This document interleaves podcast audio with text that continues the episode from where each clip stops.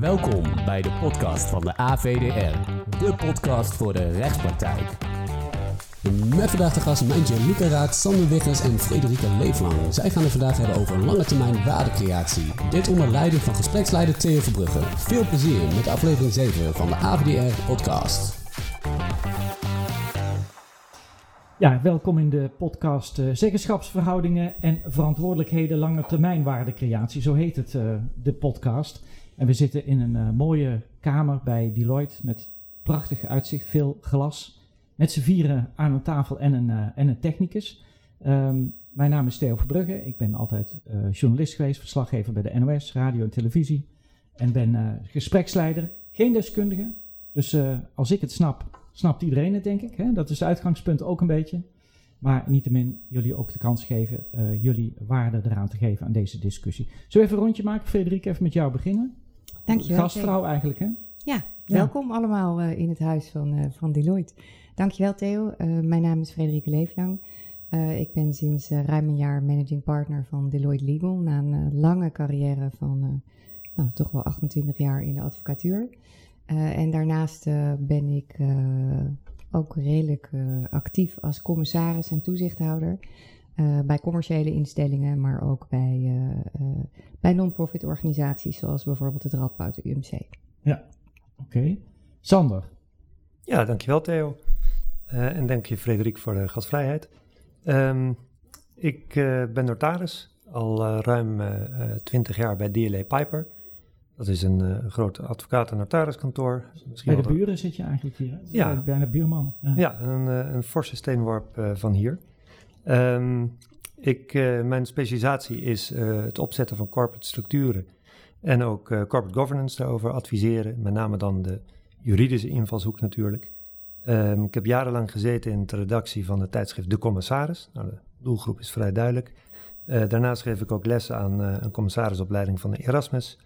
En ben ik co-auteur van um, Handboek van de Participatiecommissaris, dat uitgegeven is door de NVP. Dat is de overkoepelende organisatie van private equity maatschappijen. En uh, ik heb geen ervaring als toezichthouder, maar ik ben wel bestuurslid geweest van Pinoquet. En dan ook nog eens de portefeuille jeugd. Dus dan heb je in ieder geval heel veel te maken met stakeholders. Ja, Mijntje? Ja, Mijntje Lucaraat, hoogleraar Corporate Governance bij TIAS. Dat is de business school van de Universiteit van Tilburg. Um, ik ben econoom en ver, uh, verdiep me de laatste jaren met name ook eigenlijk in boardroom dynamics. Dus wat gebeurt er nou eigenlijk? Betekent ook uh, dat ik uh, een studie psychologie heb opgepakt, omdat ik als econoom daar misschien toch iets te zakelijk naar kijk. En ik ben daarnaast zelf commissaris, net gestopt bij Achmea na tien jaar, maar nu nog steeds bij NRC, Diergaarde Blijdorp. Ik woon in Rotterdam, dus dat is hartstikke leuk. En bij Erasmus MC. Jullie mogen bijna weer open. Hè? Ja, precies. Ja. Ja. Goed, um, ja, de titel dus. Um, uh, zeggenschapsverhoudingen en verantwoordelijkheden lange termijn waardecreatie. Um, we mogen heel simpel beginnen. Je hebt waardecreatie dus op korte termijn en op lange termijn. En we gaan het nu op lange termijn hebben. Ja. Of is het altijd lange termijn waardecreatie uiteindelijk? Nee, je hebt een korte termijn variant en die richt zich dus echt op... Uh, nou bij wijze van spreken op kwartaalcijfers als je het hebt over beursgenoteerde ondernemingen. En je hebt lange termijn en dan heb je het echt over duurzaamheid ook eigenlijk. Hè? Dus duurzame resultaten. Uh, en dan heb je het ook over de volgende generatie. Ja, en wat zijn duurzame resultaten, Frederik? Uh... Nou, ik denk het punt wat Mijntje uh, net noemt, hè, volgende generaties, opvolging, maar met name ook borgen dat het bedrijf duurzaam gecontinueerd kan worden. Dus dat je ook echt goed realiseert in de strategie dat het niet gaat om de korte termijn winsten, maar dat je ook op langere termijn uh, winstgevend blijft. En dat je het ook bijvoorbeeld bij een familiebedrijf, waar het natuurlijk eigenlijk al echt in de genen zit, dat je het kan overdragen. En ik denk ook dat het daaruit voortkomt en dat het um, nu ook veel meer, niet alleen bij bijvoorbeeld beursgenoteerde ondernemingen, uiteraard op grond van de Corporate Governance Code, uh, speelt, maar ook bij bijvoorbeeld non-profit organisaties wordt veel meer nagedacht over, ja, maar als ik nou de lange termijn in het achterhoofd houd, wie zijn we dan? Wat moeten we dan doen? En wat moeten we nu doen om dan om nog te, te bestaan? Ja. ja. Uh, want zou je kunnen zeggen, het is een term die, die we wel kennen, maar misschien nog niet zo heel erg lang kennen. Of in ieder geval dat het een naam gekregen heeft. Nou, dat klopt. Um, ik denk dat het is natuurlijk pas in de governance code terechtgekomen in 2016. En dat is de, de nog steeds geldende governance code, dus de laatste versie. Daar is het pas in, uh, in verankerd. Uh, daarvoor was het wel, maar nu heeft het in ieder geval richting gekregen. En sindsdien ook wel in andere codes. Ik geloof in de zorgcode en nog andere codes heeft het, is het ook verankerd. Dus het is inderdaad iets wat de laatste jaren en in het begin is daar ook wel mee geworsteld.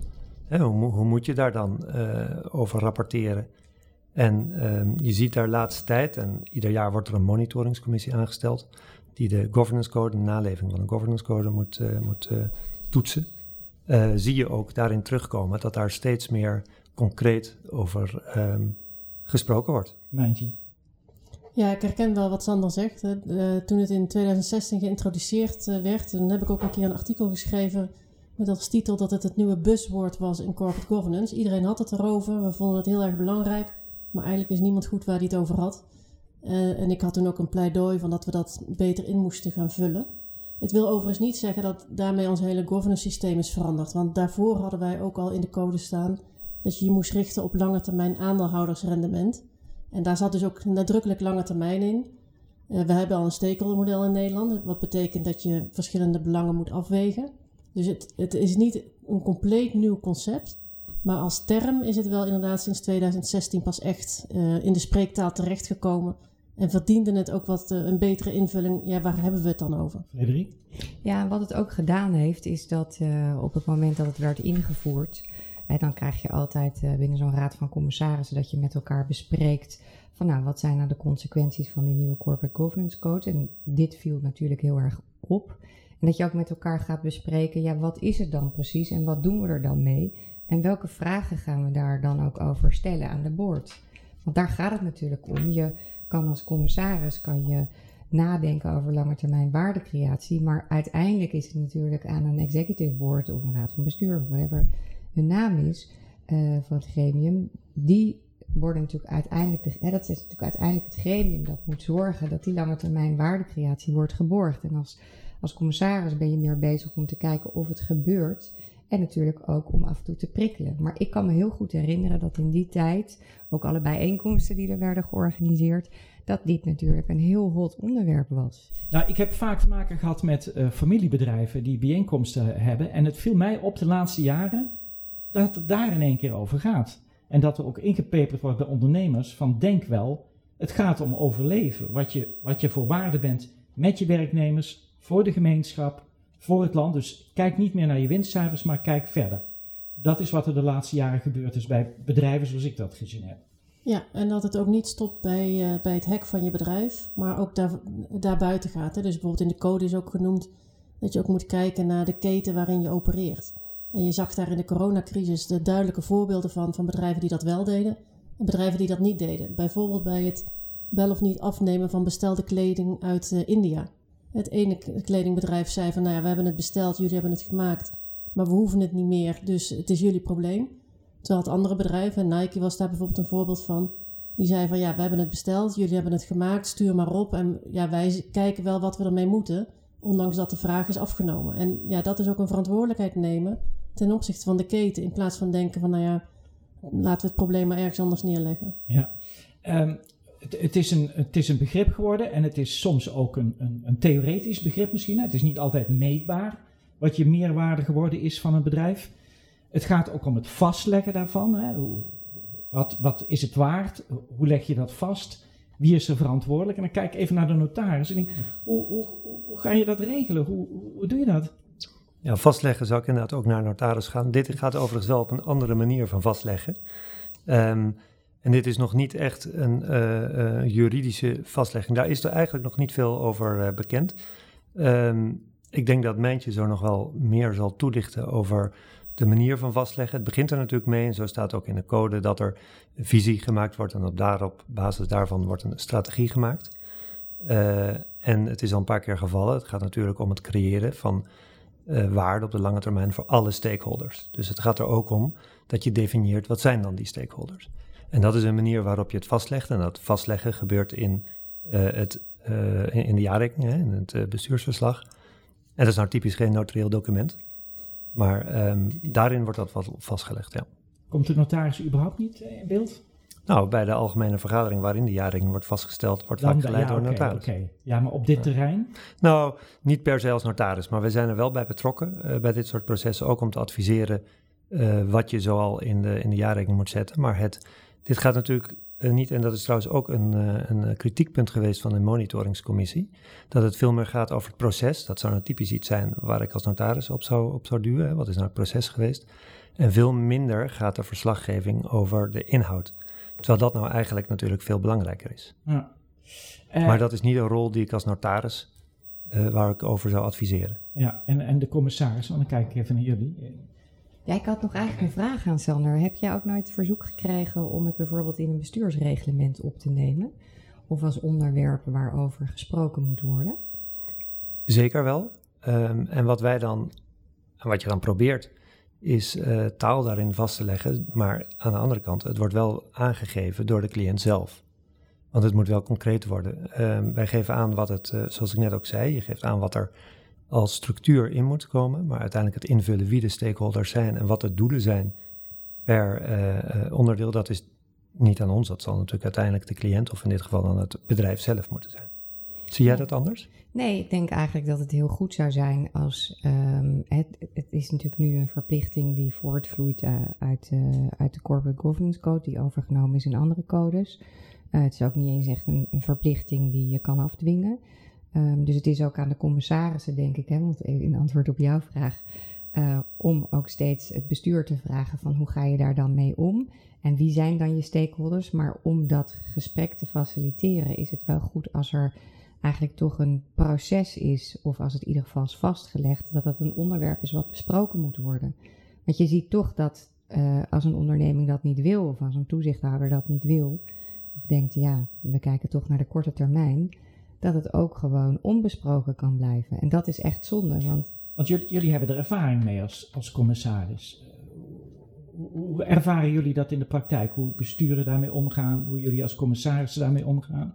Nou, misschien als ik gewoon naar, naar, in het, naar, een- met een brede blik kijk naar bedrijven, hoe ze daarmee omgaan, is dan, dan wordt het onderwerp steeds beter gedefinieerd. Alleen het risico blijft nog steeds een beetje dat het een praatje voor de bühne is. Dus bedrijven die formuleren een missie, dat is vaak één korte zin die heel aansprekend is. Dat werken ze dan uit in kernwaarden, ook, nog, ook ja. nog steeds. eh, daar kan je van alles bij bedenken. Je kan bij wijze van spreken de naam van het bedrijf weghalen, een ander bedrijf erin plakken en dan klopt het nog steeds. Dan komt de strategie. Nou, hoe gaan we dat dan allemaal bereiken? En dan komt zeg maar hoe je dat dan ook uitwerkt in je dagelijkse operatie. En daar zie ik vaak nog een mismatch bij bedrijven die ik onderzoek. Dat ze dat dan allemaal prachtig hebben beschreven. Ze hebben doelen opgesteld, zowel financieel, sociaal, eh, gericht op het milieu. Maar als je dan komt bij bijvoorbeeld het beloningsbeleid, dan is nog steeds 90% gericht op financiële resultaten. En dan denk ik wel van ja, dan heb ik dus 10 pagina's zitten lezen over hoe belangrijk ze lange termijn waardecreatie vinden.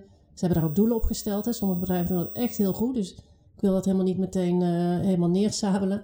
Maar de volgende stap die genomen moet worden, oké, en wat betekent dat dan concreet in eh, doelstellingen die je opneemt in het beloningsbeleid, in de cultuur van het bedrijf, eh, inderdaad hoe je opereert ten opzichte van de keten. En dat is eigenlijk hè, de, de, de, wat is het, de proof of the pudding is in the eating. Hè. Daar, daar moet het uiteindelijk ook zichtbaar in zijn. Dus je kan wel in je bestuursreglement je missie en je kernwaarden opnemen, wat prachtig is.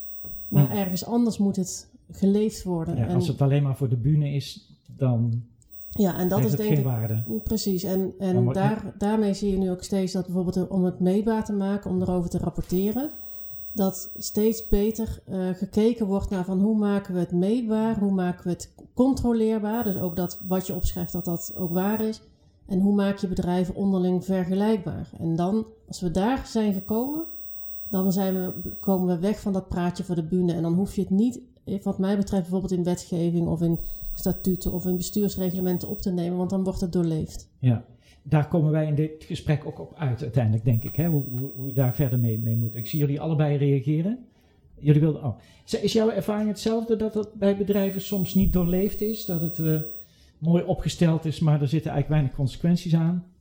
Nou, Weet ik, nou, nee, dat is niet mijn ervaring. Want ik, althans, waar de, de, de bedrijven waar ik toezichthouder ben geweest of ben, of entiteiten, eh, daar wordt dit wel degelijk besproken. Maar ik zie eigenlijk twee momenten waar je, want dat was ook je vraag, hoe kan je, hè, hoe ervaar je dat als commissaris? ehm, waar je dat zelf ter sprake kan brengen en waar je ook zelf bij machten bent om ehm, die lange termijn waardecreatie daadwerkelijk op de tafel te krijgen. Dat is toch de strategie.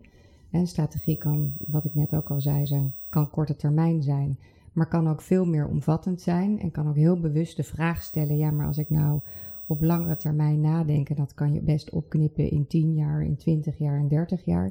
Wat is dan, 30 jaar is natuurlijk heel moeilijk. Ehm, maar wat is dan uiteindelijk, waar staan we dan en wat doen we dan? Wat is dan onze business? Wat verwachten we dat er allemaal gebeurt?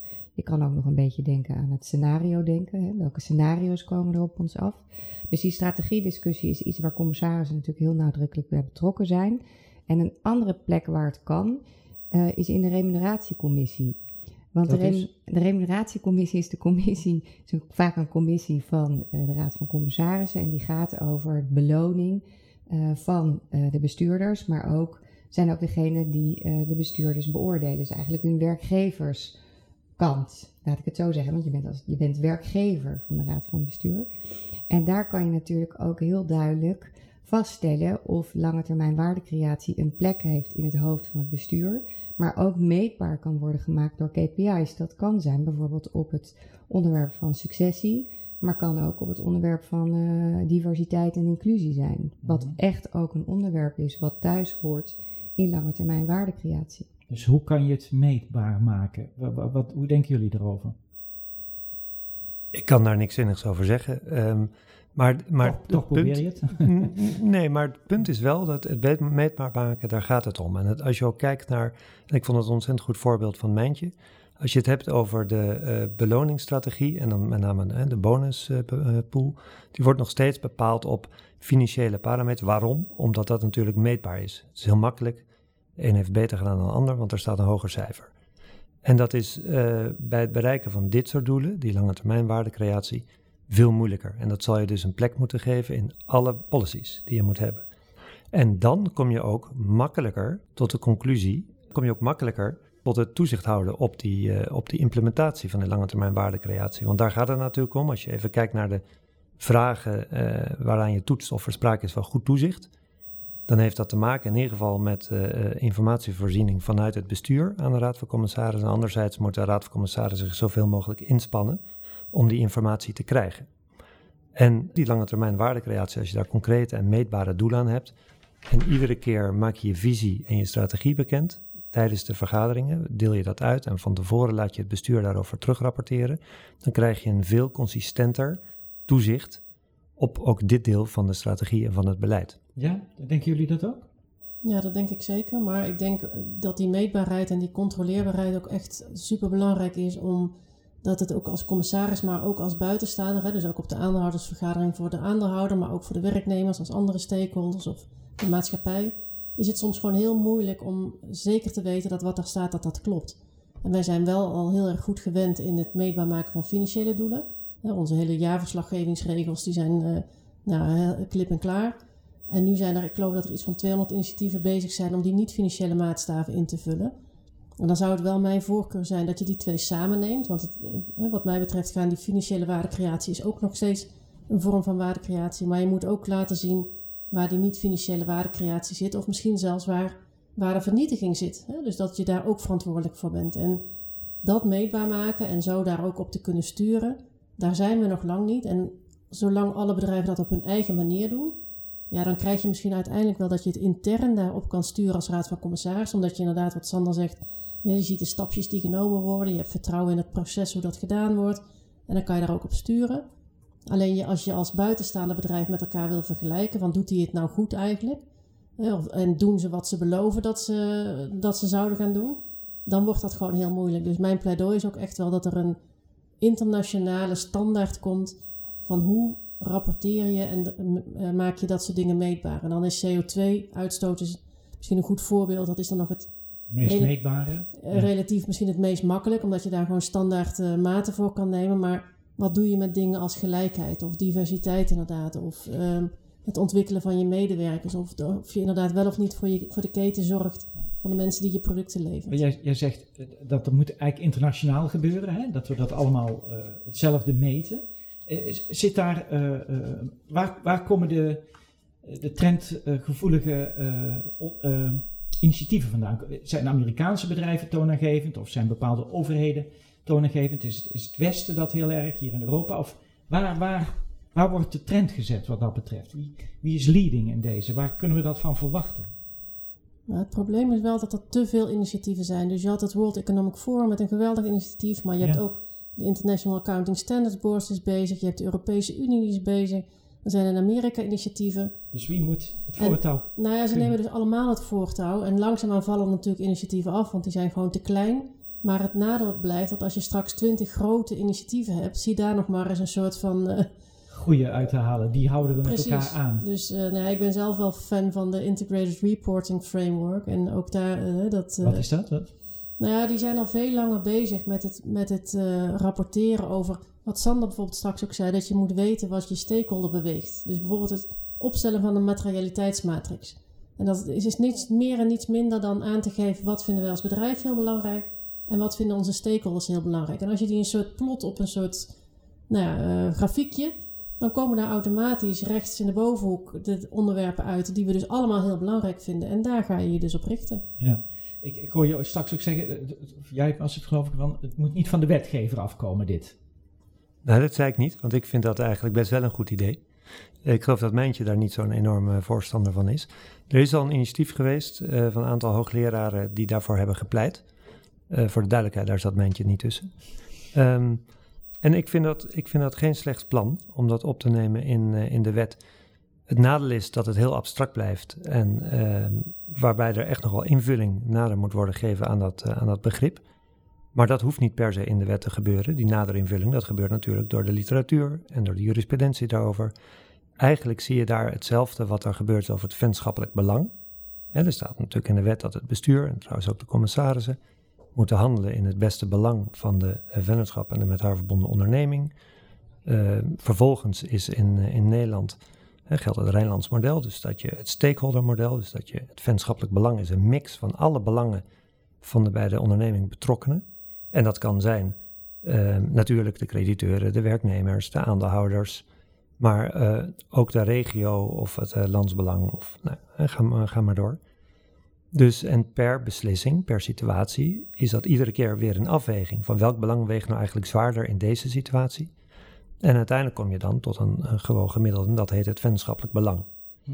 Dat zou je natuurlijk, die richtlijn die nu in de code staat, zou je best in de eh, wet kunnen verankeren. Dat er ook voor lange termijn waardecreatie, dat dat een onderdeel is van de taak van het bestuur. En dat dat onderdeel is ook van het vennootschappelijk belang.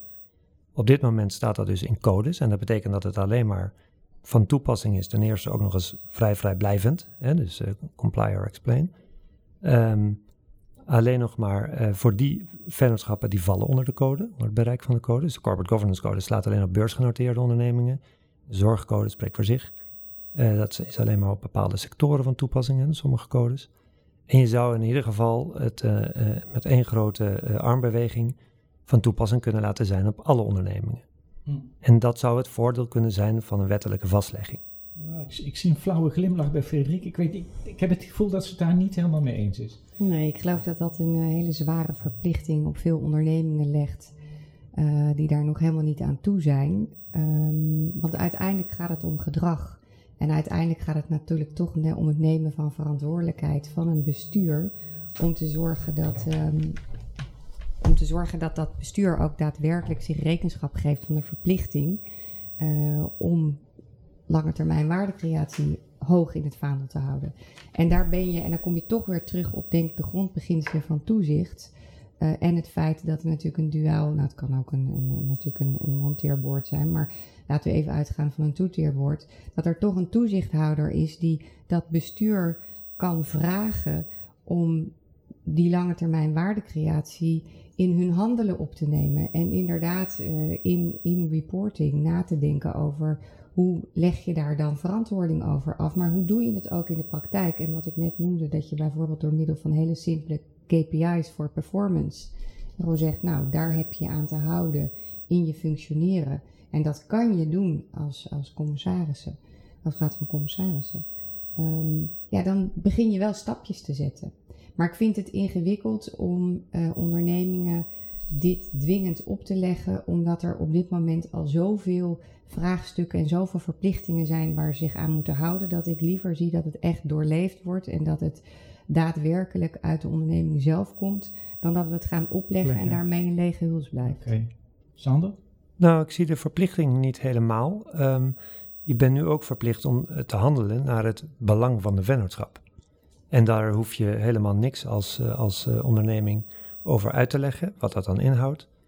Ehm, en ik zie dus wel degelijk een toegevoegde waarde om dat op te nemen in de wet, dat binnen het vennootschappelijk belang, dat daar onderdeel van is, ook lange termijn waardecreatie. Het blijft af- abstract in het begin, maar het zal, wordt uiteindelijk ingevuld door jurisprudentie en literatuur. Ik ben heel benieuwd wat Mijntje daarvan vindt. Nou, ik zit een beetje tussen Sander en Frederike in, denk ik. Want Frederike die brengt het heel erg terug naar de verantwoordelijkheid van de Raad van Bestuur en de Raad van Commissarissen. Alsof het om de individuele onderneming gaat en die moeten dat samen met elkaar besluiten. Eh, Sander die geeft eigenlijk aan van ja, we hebben ook eh, grotere belangen die ook best op iedereen van toepassing eh, kunnen zijn. Hè? Dus je kan best verplichten om minder CO2-uitstoot eh, nou te, te, voor te dragen. Maar het probleem met wetgeving is, je moet je denk ik altijd afvragen welk probleem lost dit op. En met lange termijn waardecreatie, daar zitten misschien wel twintig onderwerpen in die je met elkaar zou willen afspreken. En die zijn niet allemaal, ehm, eh, allemaal even duidelijk. En als het in de wet zit, dan, dan geef je eigenlijk ook het idee dat het toetsbaar is door de rechter. Nou, ik zal één voorbeeld geven waarin eh, dus blijkt dat dat moeilijk gaat worden. Stel nou dat je, dat je keurig legaal je belasting be- betaalt. Hè. Je maakt gebruik van allerlei mogelijkheden om dat eh, te vermijden. Je, je, eh, je zet het in het buitenland of weet ik veel wat. En je belastingdruk die, die neemt enorm eh, af. Nou, we hebben daar maatschappelijk gezien een oordeel over. Wij vinden dat niet netjes. Maar als je doet wat mag volgens de wet. En je hebt, wat gaat de rechter dan toetsen op het moment dat er iemand komt van... nou, ik vind dit qua lange termijn waardecreatie niet helemaal oké. kunt u daar iets aan doen? Ja, die rechter zal zeggen, ja, dan moet je de belastingwetgeving aanpassen. Want ze doen wat ze mogen. Hè, dus ik denk dat dat voor wetgeving gewoon ontzettend moeilijk is om... En dan is het nog maar één onderwerp, hè? Want we hebben Ik, ook nog... ik vind het heel ingewikkeld worden, ja. Ik zie, Ja, ik zie dus het somber in ik eigenlijk. denk het dat ingewikkeld. Die Ja, wetgeving lo- lost dat probleem dus gewoon niet op. Eh, wat niet wegneemt dat je wel dingen beter af kan dwingen. Want ik denk dat ook de groep hoogleraren met dat voorstel... die irriteren zich ook aan het, eh, het praatje voor de bühne... prachtige mooie woorden over de missie en de visie en de kernwaarden... maar vervolgens een beloningsbeleid wat de hele andere kant op gaat. Dus daar zit de irritatie. Nou, die irritatie die moeten we oplossen. Maar wat betreft het beloningsbeleid zijn er natuurlijk, er natuurlijk, is er een nieuwe regelgeving die maakt dat ook de aandeelhouders daar vragen over kunnen stellen. Veel meer dan, eh, dan eh, tot voorheen. Ehm, en ik denk dat je eigenlijk. En bij mij komt het steeds weer terug op ja, wie is hier nou voor verantwoordelijk en welk verantwoordelijk gedrag wil je laten zien? Want lange termijn waardecreatie is de verantwoordelijkheid nemen om te zorgen dat we op lange termijn die onderneming in het specifieke stakeholderveld, in de keten, eh, dat alle werknemers, et cetera, dat we met z'n allen nog bestaan en dat we ook nog waarde kunnen toevoegen en dan niet alleen financiële waarde. Ehm, en dat, ja, dat gaat bij mij steeds weer terug op de vraag wie is daarvoor verantwoordelijk. En als je het in de wet opneemt, ehm, dan ben ik het heel erg met Mijntje eens. Ja, dan zijn er allerlei vraagstukken waarvan je kan zeggen, ja, is dat dan lange termijn waardecreatie? Hè? We, noemen maar, we hoeven maar even te wijzen naar de hele discussie die er over het vrouwenquota heeft gespeeld. Hoe lang heeft dat geduurd? Is het daadwerkelijk effectief? Lost het iets op? Ehm nou, langetermijn waardecreatie is nog veel meer omvattend. Dus Ja. volgens mij zijn we dan langer met de discussie bezig dan dat we zeggen we gaan het in de praktijk Ja, brengen. jij, jij zegt meer, je moet dat binnen het bedrijf met elkaar, moet je dat ontwikkelen. Je moet elkaar scherp houden wat dat betreft, je moet elkaar ter verantwoording roepen. En zo krijg je dat voor de toekomst beter voor elkaar. Ja, overigens sluit het een het ander niet uit. Hè? Dus als er als men toch bedenkt van nou, we zouden daar toch eh, dat in een in navolging van de oproep van de betreffende hoogleraren dat toch wettelijk willen verankeren, be my guest. Maar ik, ik zou nooit Ja, ja. dat willen, alleen daar mijn eh, alles op zetten. Ja. Ik kijk jullie even aan. Kunnen we de, de discussie nog een, een niveau hoger tillen? Of, eh, want wat ik eigenlijk ook. Hoe, doen Nederlandse bedrijven dit? Zijn er die meer mee bezig dan andere bedrijven in Europa of in de wereld? Hoe lopen we in Nederland daarin mee? Nou, wij zijn natuurlijk van oudsher al een land met echt een stakeholder model. Dus daar, waar we echt ons echt ons realiseren dat de besluiten die je moet nemen, ook als bestuurder en als commissaris, dat dat een zorgvuldige afweging is tussen alle belangen. En dat is iets anders dan het shareholder model wat in Anglo-Saxische landen leidend is. En overigens zeggen dan Amerikaanse collega's tegen mij, we hebben ook een stakeholder model. Want als je niet goed zorgt voor de klant, niet goed zorgt voor de medewerker, dan heb je ook geen aandeelhoudersrendement. Dus of je nou linksom of rechtsom benadert, is dat een beetje hetzelfde. Nou zag je in Amerika twee jaar terug dat 180 eh, grote Amerikaanse bedrijven die hebben gezegd van ja, wij gaan ons voortaan ook richten op die stakeholders. Prachtige pleidooi gehouden, ze hebben dat ook allemaal ondertekend. Maar ja, dat was in augustus 2019, een half jaar voor de coronacrisis. En op het moment dat corona losbrak, was iedereen toch wel even die beloftes weer vergeten. Dus uh, ik, ik denk ook, hè, dus het, het, gaat ook, het vraagt van consumenten ook wel wat. Hè? Dat als je steeds als consument voor de laagste prijs uh, vooraan wil staan, dat, dat lukt ook niet. En aandeelhouders ook, die moeten ook op de aandeelhoudersvergadering een vinger opsteken van ja, hier gaat iets niet goed. Dus het, het, bedrijven kunnen het niet alleen. Daar ben ik ook wel van overtuigd. Ja, consumenten, ja, dat aspect had ik het nog niet uh, op bedacht, maar wij dragen ook een verantwoording als wij onze boodschappen doen of onze keuzes maken bij aanschaf. Ja, ja het eh, voorbeeld van vlees. Ja, het voorbeeld van vlees is denk ik een hele mooie, want ik geloof dat wij in Nederland uh, het meeste aantal vleesvervangende producten eten, dat we hoog op die lijst staan. Dat zijn hele kleine procentjes, hè? Maar Precies, ja, maar in vergelijking tot andere landen. Maar uh, we staan ook bovenaan als het gaat uh, om de plofkip. Ja. En we zitten het liefst, kopen we heel goedkoop vlees. Ja, ja, dus de bewustwording bij de consument kan daar ook nog wel eens een rol in spelen. ja. ja. Eh, Waarbij het overigens wel makkelijk is hè, om, om daar van een afstandje naar te kijken. Eh, je kan niet in iedereen zijn portemonnee kijken. En ik snap heel goed dat, het, eh, dat niet iedereen een keuze heeft. Iedereen heeft recht op een stukje vlees. Nee, maar als je het ook hebt, want ik zit dan meer aan de kledingindustrie te denken. Hè, een t-shirtje voor 3 euro. Ja, dat moet je realiseren dat dat eigenlijk niet kan. En aan de andere kant realiseer ik me ook wel dat dat inderdaad voor, voor ook een hoop mensen um, ja, het enige is wat haalbaar is. Dus. Ja, dat zou je misschien nog met wetgeving wel een beetje kunnen regelen, dat soort zaken. Ja. Ja, dan grijp je weer in op de vrije concurrentie. Dat wordt ook lastig. Ja, nee, maar met de, de, de, de, de opmerking over uh, uh, zeg maar vlees bedoel ik meer dat je als onderneming je niet helemaal los kan wanen van wat de consument wil. En de consument is natuurlijk heel bepalend uiteindelijk of je ook zelf die omschakeling kan maken. En of je zelf als onderneming uh, duurzamer kan inzetten. Dat is, dat is heel erg moeilijk, want uiteindelijk uh, als je een keuze moet maken tot, uh, ja, als, als, duurzaamheid dan in lange termijn waardecreatie heel belangrijk is voor die betreffende onderneming. Maar als je de keuze moet maken, nou dit voor die model is niet feasible, dat is niet realistisch meer. Uh, ja, dan zal een raad van bestuur ook zeggen, of een bestuurder die daar zit, dit ga ik toch niet doen. Ja. Hè, dus het is een hele ingewikkelde squeeze waarin je zit. En dat betekent dus ook dat je moet kijken of je die ruimte hebt en dat we ook voortrekkers moeten hebben. Ehm, binnen Nederland. En die hebben we gelukkig. Ja, dat wou ik ook een beetje. Want je, je noemde straks familiebedrijven zijn er zich vaker bewust van. Hè? Die zijn er al langer mee bezig. Hebben we goede voorbeelden? Nou, ik denk dat familiebedrijven zijn in staat om um, ook na te denken dat het even allemaal wat minder kan. Omdat zij als familie ook dan de, zeg maar, de sterkste schouders hebben. Um, en daar is de, de aandeelhoudersdruk is minder minder groot, want uiteindelijk zijn ze dat zelf. En daar gaat het heel erg, als je het hebt over lange termijn waardecreatie, over opvolging. En of ze nog de functie kunnen vervullen uh, in de maatschappij die ze hebben.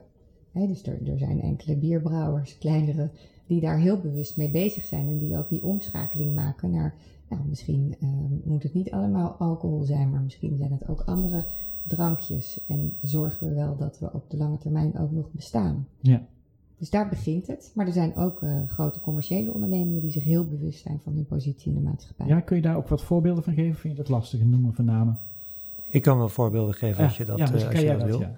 Ja. Um, om toch even terug te komen op uh, wat eerder gezegd werd over familiebedrijven. Die zijn natuurlijk sowieso gericht op de langere termijn, omdat zij het ook aan de volgende generatie willen overdragen. Dus daar zijn ze altijd al mee bezig. En dat leidt er ook vaak toe dat ze inderdaad geneigd zijn om soms een minder jaar een minder jaar te laten zijn. Ze zijn al gewend aan, aan, langere termijn uh, denken. Maar de grote voorbeelden zijn natuurlijk uiteindelijk Unilever, waar dat uh, begonnen is met, wat is tien jaar geleden, met de CEO die aantrad en die daar heel duidelijk een, een verhaal over hield. Maar ik vind ook een voorbeeld DSM hè, met Fijke Siepesma, die dat op een gegeven moment heeft gezegd.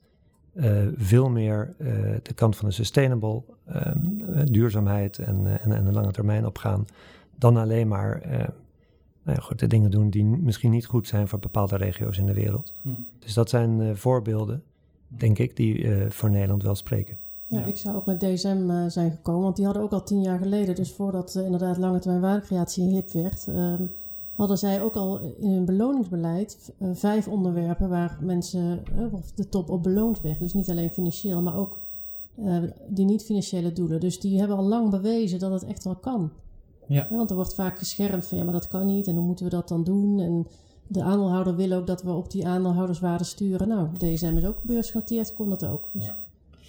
Ik, ik ga toch een beetje naar een soort afronding, die mag even duren hoor, maar ik wil ook dat jullie zelf even een beetje de conclusies van dit gesprek trekken. Waar, waar staan we nu? En, want het, het, ik vind het, het is er niet eenvoudiger op geworden, laat ik zeggen. we, we, zijn het erover eens dat het echt een onderwerp is en dat gaat de komende tijd ook echt een grote rol spelen.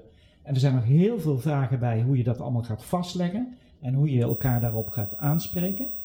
Um, Mijntje, kan jij uh, een afrondende ja, ik vond het Wel, nou, ik vond ook het qua gesprek, als je ook echt kijkt naar hoe wij het onderwerp hebben uh, benaderd, dan zie je toch wel dat er verschillende niveaus zijn waarop je naar hetzelfde onderwerp kijkt. Dus de individuele commissaris uh, voor het individuele bedrijf. Um, de meer grotere visie erop van hoe moeten we dat in Nederland doen, nog zonder wetgeving. En de overtreffende trap, hoe kunnen we het afdwingen door de overheid bijvoorbeeld. Nou, daar schipperen we denk ik een beetje in op en neer. Ehm, en ik denk dat, de, dat dit onderwerp de komende tijd niet van de agenda gaat.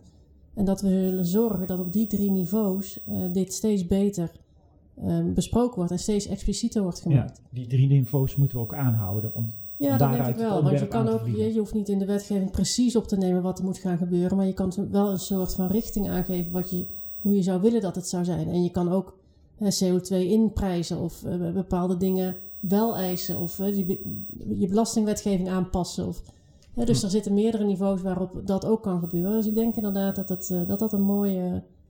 Maar het moet vanaf die drie niveaus. Dat, denk ik wel, ja, ja, ja. Sander. Nou ja, als jurist, en ik zei al eerder dat ik ook uh, les geef aan een commissarisopleiding over aansprakelijkheid van commissaris en toezichthouders.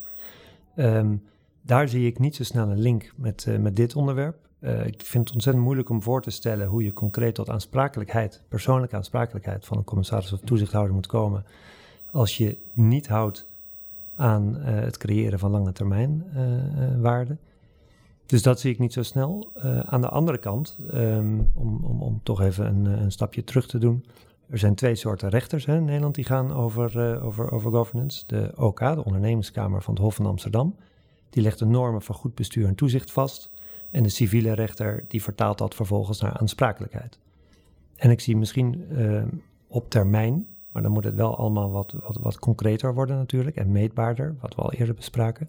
Zie ik daar wel een rol voor de OK komen om uh, op een gegeven moment vast te leggen dat als het, of vast te stellen in een onderzoek die zij kunnen uitvoeren, dat als er totaal geen aandacht is aan de lange termijn en daar dus naar verant uh, de voeten wordt getreden, dat dat op een gegeven moment leidt tot de conclusie dat er sprake was van mismanagement, wanbeleid, hoe je het wil noemen, en wellicht ook falend toezicht. En dat kan leiden tot allerlei maatregelen. Niet meteen tot aansprakelijkheid, want dan moet je ook concrete schade kunnen aantonen. Dat is wat lastig, denk ik, bij, dit wat abstract onderwerp. Maar daar zie ik uiteindelijk nog wel een, uh, een toekomst voor dit onderwerp. Als je dan hebt over aansprakelijkheid en het vastleggen van de, van de governance. Nog naast het vastleggen in de wet, wat ik nog steeds een goed idee vind. Maar Sander, even een kleine aanvulling. Want je zou natuurlijk wel zeg maar, die aansprakelijkheid op het moment dat, zeg maar, dat wat ze beloven, hè, die missie en die visie, en als dat niet klopt met wat ze uiteindelijk doen, dus die mis, mismatch tussen belofte en, en uh, daadwerkelijk iets doen, daar kan ik me nog wel voorstellen dat je op een gegeven moment aansprakelijk wordt gesteld. De vraag is wat dan de wettelijke norm is. Nee, maar die heb je zelf dan vastgelegd. Want je hebt zelf in je missie en je visie vastgelegd: dit wil ik doen, dit beloof ik dat ik doe. Maar uiteindelijk doe je iets compleet anders. Dan heb je toch eigenlijk je aandeelhouder ook verkeerd geïnformeerd. Verkeerde beloften voorgelegd die je niet bent nagekomen. Dus daar zie ik nog best wel als dat praatje voor de bühne, dat is mijn pleidooi denk ik, daar wil ik van af. Je moet niet meer met, met loze beloftes komen. laat maar zien dat je het ook gedaan hebt. En als dat niet klopt, en je wist dat, dan kan ik me best voorstellen dat daar nog eens een keer een haakje zit voor aansprakelijkheid. Ik vind het heel moeilijk om uh, me uh, voor te stellen dat een individuele partij kan aantonen dat ze daardoor schade hebben geleden. Nog los van het feit dat het beloofd is, tussen aanhalingstekens, in een jaarverslag of in een visiedocument, om vervolgens aan te tonen dat je daardoor schade hebt geleden, dat je hebt gehandeld op basis daarvan en dat je dus op basis van verkeerde verwachtingen schade hebt geleden. Dat vind ik heel lastig. Maar om je tegemoet te komen, ik zie het wel degelijk, zoals ik net ook zei, bij de OK, hè, bij de ondernemerskamer, een onderdeel zijn van de uh, normen van uh, goed bestuur en de maatstaven van good governance in Nederland. Goed. Ja, als je daar. Ja, als je tot daar, slot, Frederik. Ja, misschien daar nog heel even iets over uh, concluderend. Um, als je daar afzonderlijk naar kijkt, zal het beloven in een missie, in een visie, dat je iets, hè, dat je iets doet en je hebt het niet gedaan, dat zal juridisch heel lastig zijn. Inderdaad, wat is dan de schade? Maar ik denk als het in een bredere context gebeurt en als blijkt dat je als onderneming um, op meerdere fronten niet doet wat je hebt beloofd te doen, dat je inderdaad in een zaak bij de OK, als er een uh, verzoek tot een enquête uh, wordt gevraagd, dat het kan zijn dat, er, uh, dat de OK tot de conclusie komt dat er sprake is van wanbeleid. En het voordeel van de OK is natuurlijk ook dat je daar ook lekenrechters hebt. Hè? In de zin dat, er, dat een aantal van de raden die daar zitten ook daadwerkelijk uit het bedrijfsleven komen of zelf commissaris zijn. Dus ook weten wat het is om hiermee om te gaan. Dus ik denk dat dat een hele interessante insteek is. Um, dan afrondend, um, als je toch kijkt naar hoe zou je dit kunnen veranderen langs die drie assen, dan beginnend bij de as van, uh, en dat is denk ik voor mij ook steeds de belangrijkste as van het klein houden. Wie zijn er nou voor verantwoordelijk? Um, dan moet je altijd afvragen, wat ligt er in je eigen invloedssfeer? Wat kan je zelf veranderen? En hoe kan je afdwingen dat dat veranderd wordt? Waarom? Omdat we allemaal weten dat uh, die norm en die zekere zin, ik doe nu tussen aanhalingstekens, verplichting uh, tot lange termijn waardecreatie, die is er. En ik denk dat wij met z'n allen ook gehouden zijn om na te denken over de toekomst en de sustainable toekomst voor alle ondernemingen uh, maar ook de maatschappij. En dat betekent dus dat als iets in je eigen invloedssfeer ligt, dat je het ook moet gaan veranderen. Nou, dat kan je doen vanuit de rol van bestuurder, dat kan je doen vanuit de rol van commissaris, wetgever, hoogleraar. En dat kunnen wij ook doen door dit soort onderwerpen bespreekbaar te maken. Ik dank jullie wel voor het gesprek. Ik heb er wat van geleerd, ik hoop jullie ook. En ik hoop zeker dat de luisteraar er wat van geleerd want daar deden we het ook vooral voor. Dank jullie wel en dank voor de gastvrijheid hier bij het debat. Bedankt voor het luisteren naar deze aflevering van de AVDR-podcast. Check de website www.avdr.nl voor meer unieke content voor de rechtspraktijk. Nogmaals bedankt en tot de volgende aflevering.